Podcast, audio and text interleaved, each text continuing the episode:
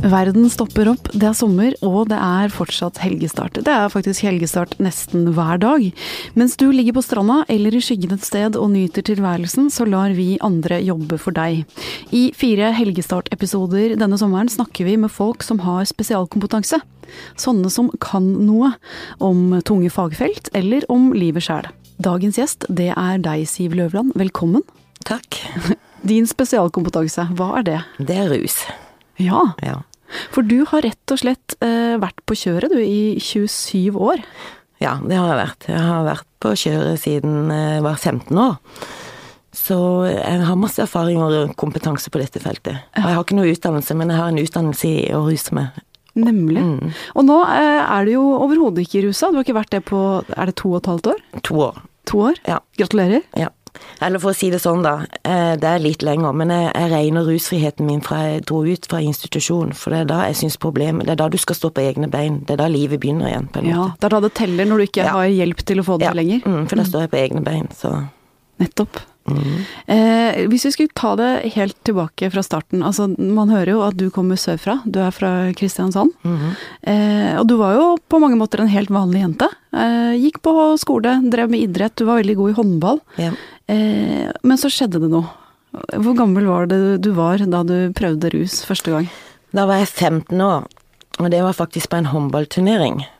Så, men jeg eh, Ja, åssen skal jeg si det? Det var noe som tiltrakk meg, egentlig. Jeg syntes det var litt spennende å gjøre litt sånn uh, ulovlige ting, på en måte. Og så hadde jeg ei venninne på håndballen som allerede hadde begynt å prøve, prøve dette her. Så jeg var, var ikke så vond å be, jeg ville jo det sjøl, da. Så det var med det første, da ble det sånn når jeg kom tilbake etter håndballturneringa, så ble det liksom slag i slag. Jeg var veldig lett påvirkelig å ta imot uh, forskjellige rusmidler, da. Det første rusmiddelet du prøvde, det var Det var hasj. Ja. Mm. Så du er rett og slett en litt sånn skrekkhistorie om at du kan begynne med noe som er litt sånn lett og enkelt, og som mange prøver, og så går det liksom lukt utfor bakke? Ja, kjapt utfor bakke. Ah. Det var liksom hasj da jeg var 15. 16 år så hadde jeg allerede eh, prøvd amfetamin, og 17 år da prøvde jeg heroin for første gang. Ah. Og etter det så har det gått slag i slag.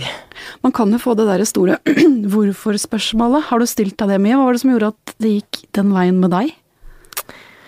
Ja, jeg har lurt på det mange ganger. Jeg kan ikke helt si sikkert, men jeg føler liksom at eh, ja, Jeg vokste jo opp i en litt utrygg situasjon, da. Eh, mye grums hjemme. Eh, mye rus rundt meg. Så på en måte mange ganger så tenker jeg nesten fått det inn med teskje. Men eh, så var det vel kanskje det at eh, jeg følte kanskje mye at jeg var overlatt til meg sjøl. Det var mye krangling hjemme, og liksom Så jeg forsvant tidlig ut. Jeg ble bare borte. Og fant eh, venner i rusmiljøet. Var det en sånn spenningsfaktor der òg? Ja, det var det veldig. Jeg søkte etter noe spenning hele tida. Og jeg er litt sånn enda, på en måte. Men, eh, men det, da følte jeg liksom trygt og godt. Da hadde jeg alltid noen rundt meg. Jeg var liksom ikke overlatt til meg sjøl. Fordi at altså, Når man ser på et rusmiljø utenfra, så ser det jo så ille ut på mange måter. Men det, for deg var det et fellesskap, eller? Det var veldig fellesskap, eh, for å si sånn som når jeg begynte å ruse meg. Vi var en gjeng som alle røykte hasj, veldig gode venner, og hang sammen hele tida. eh, men så begynte den ene etter den andre. Jeg var, var vel venninna meg, ei venninne av meg og meg som var de første som gikk over på amfetamin. Og liksom, eh, da kom jo folk og skulle hjelpe meg. og prøve av vennene mine da, prøve å liksom være rundt og lete etter meg for å prøve å liksom hanke meg inn, da. Og så prøvde jeg jo heroin, og da var liksom da med en gang jeg prøvde det, så tenkte jeg å, det er mitt stoff. Og da når folk kom og prøvde å si noe til meg, så sa jeg ha-ha, der kommer etter, ikke sant, på den måten. Så jeg gikk bare min egen vei. Så jeg var vel den første alle i En av de første i den gjengen som liksom bare kjørte på. Og så kom de etter, en etter en. Det var noen som aldri begynte med noe, som bare Det ble bare med hasj. Men når du sier at heroin var ditt stoff, kan du, eh, går det an å sette ord på det? Den følelsen av at dette stemmer? Ja, altså Det var bare akkurat som da jeg prøvde så bare følte jeg åh, Når jeg kom hjem, på en måte, da hadde jeg liksom eh, Jeg likte den rusen. Jeg likte å være skrev, eller sånn, på den måten at du var liksom Det var akkurat som jeg ble sånn likegyldig til ting rundt meg, på en måte. Og Så det som kunne gjort vondt ellers, gjorde ikke så veldig vondt? Nei, det gjorde ikke det. Det var, det var vel å rømme borte. Det var vel midt i blinken for meg, det stoffet der. I forhold til åssen jeg hadde det, så ble det mye bedre når jeg rusa meg. Ja. Eh, De som sto rundt deg, altså moren din eksempel, hun prøvde å få deg ut av det? Ja, hun prøvde, hun ville jo prøve å få meg tvangsinnlagt helst, men jeg fylte jo 18 år før hun kunne gjøre noe med det. Men hun klarte også å sende meg av gårde til England som au pair. Men da, det var liksom sånn, da var jeg, da hadde jeg bare, det var faktisk, ja, da brukte jeg mye amfetamin, og, og da kom bare søstera mi og kjæresten og bare hadde pakka bagen min og plukka meg opp i byen og fikk meg ned på ferja. Og jeg husker det godt når vi skulle om bord, så ble tolleren eller politiet stoppa meg, og jeg skulle ransake meg før jeg gikk ut av Norge. Da husker jeg så godt min søster sa kan du ikke la, være, la henne være i fred nå, nå skal hun ut av landet. Så da kom jeg til England og var der i ti måneder. Da gikk det veldig bra. Og da, eh, Det trivdes jeg veldig godt med. Da gikk jeg på engelskkurs og lærte litt engelsk, og spilte nettball og var i form. Men eh, når jeg kom tilbake til Norge, så var alle de vennene mine som jeg dro fra Jeg kom liksom hjem til litt dekka bord på en måte, for da hadde de allerede begynt å ruse, og de hadde, var det mye heroin rundt i det miljøet jeg gikk, da. Så da jeg kom hjem fra England igjen, så var det bang rett på.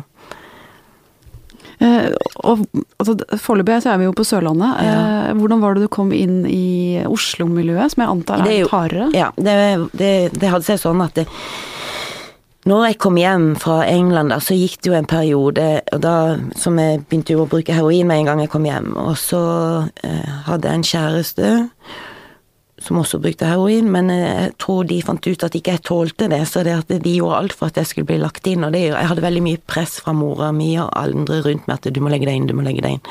Og til slutt så sa jeg bare ja på, på grunn av alt maset. Jeg ville jo ikke, men jeg gjorde det. Og Der var jeg tre måneder. og Jeg var jo ikke motivert, så jeg gjorde akkurat som jeg ville, rusa meg og Men det var ikke hele tida. Jeg fikk da kjent på å være nykter igjen, på en måte. Og kjenne å bli frisk. Hvordan kjentes det, da? Nei, jeg bare kjente jeg ble skikkelig i form og fikk masse positivt, eh, sånn positiv energi, pluss at det, at det Akkurat som du våkner til, på en måte. Våkner til liv igjen. Ja, kjenner på masse følelser som jeg har sperra eller stengt inne, da. Og så mm, Men jeg ble jo kasta ut etter tre måneder. For jeg var jo ikke noe motivert, jeg gjorde jo akkurat som jeg ville. Du hadde brutt noen regler og Ja, sånn? Ja. så jeg ble skrevet ut derifra. og Da var det rett til byen å ruse meg igjen. Så rusa jeg meg var vel ett til to år til, ikke sant sånn. Men da, på grunn av at jeg hadde vært der i tre måneder og kjent på det å være nykter, da søkte jeg meg inn på institusjon i Oslo. Av fri vilje, da. Oh, ja. Så det var det som var med på å gjøre at jeg ville prøve. Og da dro jeg til Oslo, og da var jeg 21 måneder på, innlagt på en, en institusjon der. Og da var jeg 10 måneder på institusjon og 11 måneder i ettervernet. Og da ble du helt streit igjen? Ja, da spilte jeg håndball, begynte på skolen. Men da, da var det sånn at alle som jobba der, og alle rundt meg 'Å, du er så flink, du er så flink, Siv, du klarer det, du klarer det.' Og jeg gikk liksom 'Ja, jeg klarer meg, jeg klarer meg'. Ikke sant? Så jeg hadde liksom forventningene langt over huet. Veldig høyt forventningspress. Så når jeg flytta ut derifra Jeg traff også en eh, Fikk med også en kjæreste på institusjonen, så vi flytta ut sammen i en leilighet, og så begynte vi å ruse oss begge to sånn. Og eh, da når jeg sprakk første gang, eller rusa meg første gang, så klarte jeg ikke å si noe om det, for jeg var jo så flink. Ikke sant? Så det ble så nederlag for meg. Og da begynte jeg å rote meg mer og mer inn i et nett. eh, Og jeg klarte ikke å si noe før jeg var skikkelig på kjøret igjen. Da ga, gikk jeg bare om hjelp igjen. Og da fikk, kom jeg inn på et, et annet sted som kort periode. Tre måneder, så ble jeg kasta ut derifra igjen. På visse om- forskjellige omstendigheter. Og da gikk jeg på kjøret i mange år igjen i Oslo. Hva er det som er det vanskeligste når man har vært inne så, så lenge som du var inne i 21 måneder, fått ordentlig hjelp, kommet liksom tilbake på beina igjen, Ja, og så drar du ut? Hva, hva er det som gjør at du bikker? vet du hva, det har jeg tenkt på mange ganger, for jeg har vært en del ut og inn av institusjoner. Men eh, det som jeg konkluderer med nå, når jeg ser tilbake og all den erfaringa jeg har dratt for hvert opphold, så tror jeg det at jeg har ikke hatt noe spesielt å gå til. Jeg har ikke følt meg ja, ja, så liksom, sånn som nå så får jeg drive med masse ting jeg trives med. Jeg tror det er veldig viktig å ha noe du trives med. Um, ja, det er litt vanskelig. Akkurat det der er litt vanskelig. Og, ja. Men det det å liksom skulle finne inn i et normalt liv, da, når du ikke har hatt det på noen år, eh, Ja. er det noe der òg? At du har levd så veldig i din egen virkelighet? Ja, det er ikke så lett det, altså. Jeg kjenner det, jeg sliter med det nå også. Det er liksom Ja, sånn som jeg, det kan du si, når jeg kom ut av institusjonen og begynte å spille håndball, da, eller på institusjon, da, så kom jeg på første håndballtrening, og så jeg visste ikke hva jeg skulle prate med folk om, for vi er på to forskjellige planeter, ikke sant, og jeg syns jo de var skikkelig sånn fjortiser og fnisete, ikke sant, og jeg var liksom blitt voksen på en måte, veldig tidlig. Uh, og da Så jeg måtte liksom lære meg å leve på nytt. Og lære, ikke sant, jeg har aldri Sånn som nå, da. Nå er det jo mange år siden dette her, men sånn som nå, liksom, jeg har aldri fulgt med i særlig aviser eller nyheter eller noen ting, så dette, det blir jo sånn at du føler deg litt blåst, på en måte. Det jeg kan, er liksom rus, for det er liksom alt det livet mitt har dreid seg om. er liksom ordne rus, fikse Ja, ja mm. det er det eneste. Så jeg har liksom vært i ei sånn ei boble. Så det er liksom Ja, jeg begynner på nytt. Får du det spenningshuget også? Er det, er det normale livet virkelig ja. litt kjedelig, eller? Ja, jeg syns det. Ja. ja. Så jeg er veldig glad for at jeg har kommet der jeg er nå, og har vært så utrolig heldig å få oppleve alt det jeg gjør nå. Mm. Vi skal komme til det ja. straks. Jeg har bare lyst til å holde oss i gørra en liten stund til. Kan, um, kan du si noe om hva som skjer med kroppen? Altså din kropp i løpet av din, dine år med rus, da. Hva skjedde med den?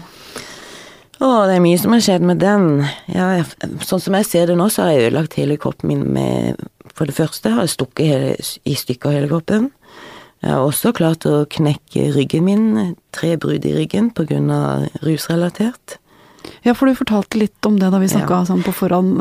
Fortell om den ene episoden. Ja, det var sånn at jeg skulle sette med et Ja, alle vet jo at jeg setter sprøyter når jeg har vært på kjør, ikke sant. Så, så, jeg skulle sette med et skudd i halsen, for jeg har nesten ikke året igjen, så da hadde jeg begynt på halsen min. Mm. Og så sto jeg på badet, så traff jeg feil året. Og jeg brukte, på de siste årene så brukte jeg jo kokain og heroin i skuddet. Veldig hekta på det. Så jeg satt eh, satt nåla inn i halsen og traff feil åre. Det så ikke sånn ut, så jeg bare trykka til, og bang, så gikk jeg i veggen i, på, inne på badet i, på flisa, med huet først, og ryggen, og besvimte og var helt borte i et døgn. Og lå og prata Donald Duck, men det var liksom det som gjorde at eh, Eller det gjorde sånn at jeg knakk ryggen. Ja. ja. Og du, Lå du aleine på det badet, det Nei, jeg hadde ei venninne der, men hun fikk ikke tatt meg av gårde før par dager etterpå på legevakta, så så da Så du lå med brukket rygg på et badegulv i to døgn? Ja. Mm. ja, nei, hun dro meg faktisk ut fra badet inn på kjøkkenet. ja, jeg tror, var, jeg tror, hun var, ganske redd sjøl, så du blir jo litt sånn Folk kan bli litt sjokka, det er akkurat som Altså, du opplever jo veldig mye når du er på kjøret, folk får overdose og alt mulig, så jeg vet jo åssen det er å redde folk fra overdose, og jeg vet jo hvor mye du kan bli Vet ikke alltid kan bli veldig stressa da, så hun visste vel ikke helt hva hun skal gjøre. Mm. Men du fikk jo også beskjed på et tidspunkt om at eh, kroppen din tåler ikke mer nå? Ja, du skjønner, når jeg ruser meg så mye, så klarer jeg ikke å spise mat. Så jeg blir så underernært. Og jeg gikk jo rundt sikkert et år med blodprosent på 3,2. Så jeg ble jo lagt Det er lavt? Det er lavt. Ja. Under fem så skal du være død. Oi! Ja. Vanlig er tolv. På måling òg, Ja. Så når jeg kom inn på sykehuset, så fikk jeg jo tre liter blodoverføring. Og eh, to leger sa til meg at hvis, det, hvis ikke de hadde visst og sett det, så skulle det ikke gå an. Og jeg har også fått beskjed om at eh, hvis jeg havner på kjør igjen, så vil jeg nok ikke overleve. Kanskje vil nok gå ei stund før jeg stryker med, men jeg blir så svak. Jeg, altså Jeg klarer ikke å spise. Ja. Så det er et ganske klart valg som du ja. fikk, da. Egentlig. Og det, det, når jeg tenker tilbake på det, så tror jeg det var veldig mye med på at jeg fant ut at jeg vil leve. Jeg ble litt redd, jeg ble litt skremt. At, og du blir så likegyldig til alt. Om jeg har fått overdose, så er det ikke så nøye. Liksom, du våkner opp, og så går du på og setter deg et nytt skudd. Det er helt sykt. Du blir litt sånn Du blir Ja, du blir bare så u... Å, hva er det ordet? Um, ja, det blir ikke så Du tar deg ikke sjøl så høytidelig. Det er ikke så nøye, liksom. Det er ikke så farlig. Det er, det er liksom det, det, er så vanlig. Mm. Ikke sant? Det er akkurat sånn som når folk får overdoser. Ja ja. Ikke sant. Men har du da følelse av at livet ditt ikke teller så mye, da? Det var en sånn periode at ja, det var litt sånn det når du også har vært på kjøret så mye. Så nå som jeg har begynt å nykte meg, så jeg føler jo litt sånn mindre verdt, og det er jo litt sånn rart å komme tilbake til samfunnet. Så ja, men eh, jeg jobber med saken. Eh, og et eller annet sted på veien her så ble du gravid. Et eller annet ja. sted mellom ut og inn og opp- og nedturer. Eh, mm. Var det en vanskelig beslutning å skulle beholde babyen? Nei, det var ikke det, for jeg var sikker på at jeg skulle klare meg da. Og jeg var jo på institusjon nå, så jeg hadde jo vært der noen måneder før jeg ble gravid. Det var ikke Det var det var ikke med i planen da, men når det først ble sånn, så, jeg, så syns jeg at eh, jeg tok den riktige avgjørelsen da. Og jeg var jo gravid under nei, nykter under hele graviditeten. Og jeg var veldig sikker på at jeg, dette skal jeg klare. Men det gikk ikke sånn. Hvor gammel var datteren din da, da du oppdaget at det ikke gikk lenger? Da var hun 18 måneder. Ja. Ja. Så, og da, det var litt sånn i forhold til barnefaren, da. Han var på, han er også rusmisbruker, og han var på institusjon. Og så kom han ned og skulle besøke meg når jeg hadde henne, da. Og så begynte han å ruse seg litt. Så det var der jeg begynte litt. Jeg skylder ikke på han, for jeg gikk inn i det med åpne øyne. Men eh, det var veldig lett at eh, når han gjorde det, og han maser sånn Han kjente ikke noen i Kristiansand, da var jeg i Kristiansand. Så jeg gikk og ordna for han, ikke sant. Det gikk et par ganger, men plutselig sa jeg få litt der også, ikke sant. Mm. Så var det gjort på én, to, tre igjen. Mm. Så hvis jeg setter det på spissen, så kan du nesten si at jeg ga bort dattera mi for et skudd med heroin, altså. Oi. Ja. Har du tenkt på det mye, eller? Ja. Og etter det skjedde, så rusa jeg meg jo bare for at Da dreit jeg i alt. Og da rusa jeg meg, og så ble jeg satt inn i fengsel. Så var det syv måneder, så når jeg kom ut, da hadde jeg faktisk litt kontakt med henne igjen. Altså, for jeg fikk sånn framstilling og, og traff henne. Og så kom jeg ut av fengselet, så var det bare bang, rett på, tilbake, og da dro jeg tilbake til Oslo og rusa meg som bare det. Sant? For da holdt den prosessen på, for da var hun som mora mi. Og da holdt, men eh, det er meg som valgte familien hun bor hos og sånn, så jeg samarbeider med de. Og det er jo sånn, jeg ser det jo Hadde jeg vært egoistisk og tenkt på meg sjøl, så hadde jeg jo aldri levert henne fra meg. Altså, jeg ba jo om hjelp på grunn av henne, men eh, jeg tenkte på henne. Så da var det det riktige å gjøre. Og hun er blitt en voksen jente, og dere Ja. har et forhold i dag. Ja, vi hadde, jeg møtte henne nå i fjor, og da hadde jeg ikke sett henne på 16 år. Oi.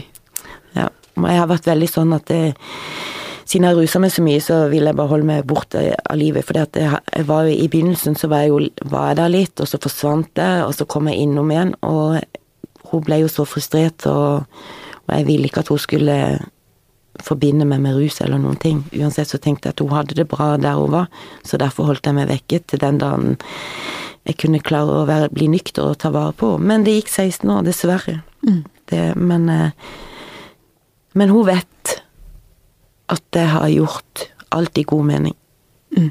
Med at jeg har valgt familien og levert henne fra meg av at ikke hun skulle oppleve rus, da. Ja.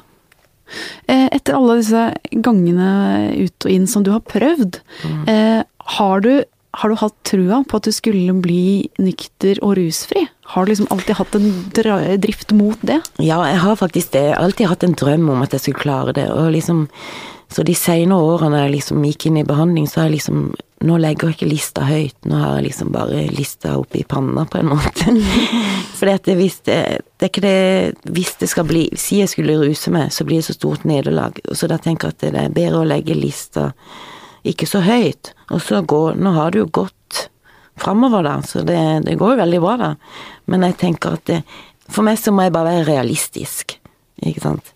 Så jeg gjør mitt for, jeg, for å få et bra liv, og gjøre det beste ut av det. Mm. Og så har du funnet et verktøy denne gangen. Ja, det er yoga. Rett og slett yoga, altså. Yes. Ja. Hvordan, hvordan kom du over det? Ja, vet du hva, jeg er så utrolig heldig, altså. Det, jeg, får ikke, jeg får ikke ord for det. Jeg kom jo ut av behandling, som jeg sa, i siste gang nå, for to år siden. Og da kom jeg liksom ut, ut uten mel- med mål og mening. Ja. Visste egentlig ikke hva jeg skulle gjøre, så jeg, i, huet mitt i bakhus så tenkte jeg ja, jeg prøver, men jeg tenkte ja, ja, vi får se hvor lenge dette går, ikke sant. Selvtilliten er ikke på topp. Nei, og så er det noe med det at du kommer ut av institusjon, altså du har ikke noe nettverk, du føler det Det er for første gang i, i hele mitt liv står jeg på to bein alene. Jeg har liksom alltid bodd sammen med noen, så det er jo veldig rart. Så du kjenner jo litt på den ensomheten, ikke har noe spesielt sted å gå til, og da bare gå hjem i en leilighet og sitte der alene, så er veien veldig kort til å begynne å ruse seg igjen. Altså. For du vet at hvis du ruser deg, så har du folk å være sammen med. Men så traff jeg Alexander Medin som driver Back in the Ring. To ganger på samme dag. på to forskjellige steder som han underviste yoga. Tilbake i ringen-prosjektet. Ja.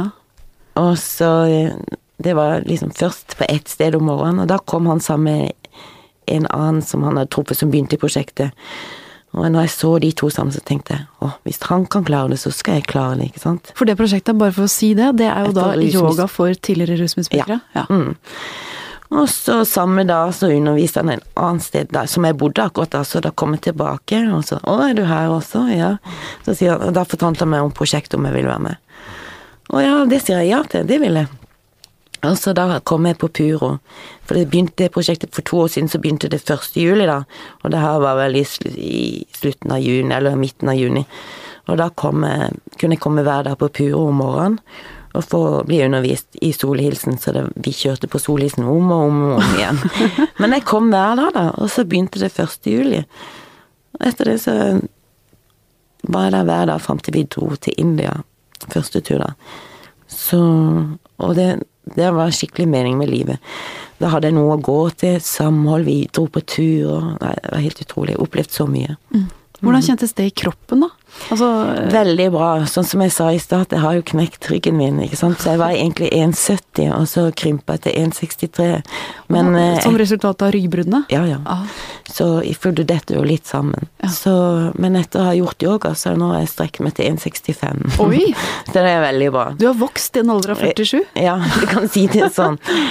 Men eh, ja, pluss at jeg var jo veldig stiv og støl, og på grunn av liksom Jeg har jo liksom ødelagt skul, skuldre, og anklene mine er ødelagt veldig stive, men det løsner opp. Altså det, det er veldig bra for meg, både på kropp, sjel og sinn. Og det er så digg hver gang jeg gjør yoga, så får jeg vet at jeg har gjort noe bra for meg. Og føler du deg sterk? Mm, mye sterkere. Ja. Og det var liksom sånn som når vi dro til India også, for vi har jo drevet med sånn veldedighetsarbeid. Og da med å se der at jeg, jeg kunne jobbe og oppleve det jeg gjorde, så fant jeg ut at jeg kan jo jobbe. Så når jeg kom hjem fra India, så tenkte jeg ja, nå må jeg prøve noe nytt. Ja. Mm. Så du fikk din første jobb, da? Ja, da dro han Alexander med på natthjemmet og spurte om jeg kunne begynne der som frivillig. Og hva slags sted er det? Det er for jenter i rus og prostitusjon. Nettopp. Ja. Og det fikk jeg lov til, men det var jo som jeg sa til sjefen min, ja ja, jeg har aldri klart å komme på tida, så du må liksom ta med litt Ikke så høytidelig, da. Sier han ja ja, det går greit, vi har høyt tak, høyt det her, sier han. Så, så i begynnelsen så kom jeg jo litt, alltid for seint og dinglas, men etter en stund så begynte jeg å få dårlig samvittighet, ikke sant, for at ikke jeg var på tida. Men så gikk det en liten stund, plutselig så var jeg på tida, og så fikk jeg 20 fast stilling. Ja. Ja. Så nå er du rett og slett en eh, vanlig arbeidstaker? Ja, du, så å si. Jeg gjør mye forskjellig, da. Men Ja. jeg jobber, og så går jeg jo selvfølgelig litt på arbeidsavklaringspenger, da. Men jeg jobber litt. Det å hjelpe andre som kanskje er på det kjøret som du selv har vært på så lenge, mm. og så står du et annet sted, hvordan kjennes det? Det kjennes veldig godt. Og jeg brenner for å hjelpe andre. Det som jeg har sagt, jeg har ikke noe utdanning, jeg har bare ni år i grunnskole, men jeg har en utdanning i, i et rusliv. Og jeg er så glad for at jeg kan få bruke dette til å hjelpe andre, og, og liksom dele med mine erfaringer. Så jeg, jeg, jeg er bare så utrolig heldig som får lov til å drive på med dette her. Og jeg er så heldig jeg sitter også i brukerråd. Og jeg sitter også i et styre i en eh, organisasjon som heter Prola, for legemiddelsassistert rehabilitering. For jeg, jeg går jo på metadon, da. Det gjør jeg jo. Sånn. Men eh, ja, nei, jeg er bare utrolig heldig. Jobber litt med like Oslo, jobber litt med Bekken Ring, driver og underviser på Holmen for andre rusmisbrukere. Til høsten skal jeg gå teachertrening for å bli yogalærer. Så det er masse som skjer. Men hva, hva er det viktigste du kan lære andre da, tror du? Kan lære andre at det går an. Eller vise at det går an. Du kan snu opp ned på alt. Altså selv det som ser aller verst ut, kan bli noe bra. Ja, jeg syns det. Jeg er veldig heldig. Men jeg, det er sånn som jeg har Det er ikke sikkert alle er like heldige som jeg. Jeg har vært veldig heldig på de jeg har møtt på. Selvfølgelig jeg har jeg jo jobba hardt for dette, men jeg har fått veldig mye hjelpemidler på veien, så det er liksom bare å gripe ting, da. Så jeg har liksom vært utrolig heldig. Det er jo et helt nytt liv jeg begynner. Det er liksom å begynne på scratch med å utvikle meg sjøl. For det er liksom når du blir nykter, du blir liksom fjortis. Jeg, jeg kan si, kan si det sånn, jeg kjenner at jeg lever, for jeg kjenner virkelig på følelser. Det går veldig opp og ned, da. Men eh, i det store og det hele så er det veldig deilig å kjenne at jeg lever. Ja. Eh, Du har vært nykter i to år. Mm. Eh, Hvor tror du du er om to år, da? Har du god tro på at du fortsatt er nykter? ja, det har jeg. Det har jeg. Og om to år, ja. Da har håper jeg at jeg jobber enda mer og kommer til, mer integrert med å hjelpe andre. Og eh, for, Ja. Og eh, at jeg da er yogalærer og underviser og har et bra, trygt, godt liv. Normalt liv. Hverdagslivet, altså. Ja. Det er ikke mer som skal til. Nei, nei, jeg er ikke så kravstor, det er ikke så nøye, men jeg, jeg bare vet at jeg må oppleve, gjøre litt forskjellige ting, for jeg kjeder meg veldig fort, så veldig, sånn, derfor er jeg veldig heldig at jeg kan gjøre så mye forskjellige ting, sette sammen min egen timeplan på en måte. Ikke sant, så det at det, nå har jeg jo liksom tre forskjellige jobber å gå til, men jeg er veldig heldig. For mange så syns de det, å du løper jo overalt da, men det er lite med det. Jeg må ha, ha masse jern, eller masse jern i ilden, er det det de sier? Mm, det er det. Ja, jeg liker å gjøre forskjellige Det er på grunn av at du har litt sånn spenning, så må oppleve noe. Ja, Du holder liksom motoren i deg gående. Ja. Så nå blir det snart India-tur igjen, og så Jeg, ble, jeg kjente jeg ble glad over at du kom hit og ga en sånn lovprisning av det helt vanlige livet. Eh, tusen takk for at du delte dine erfaringer. bare hyggelig. Ja, Jeg syns det ja, Takk. Ja, Takk til deg, Siv. tusen takk for at jeg fikk komme.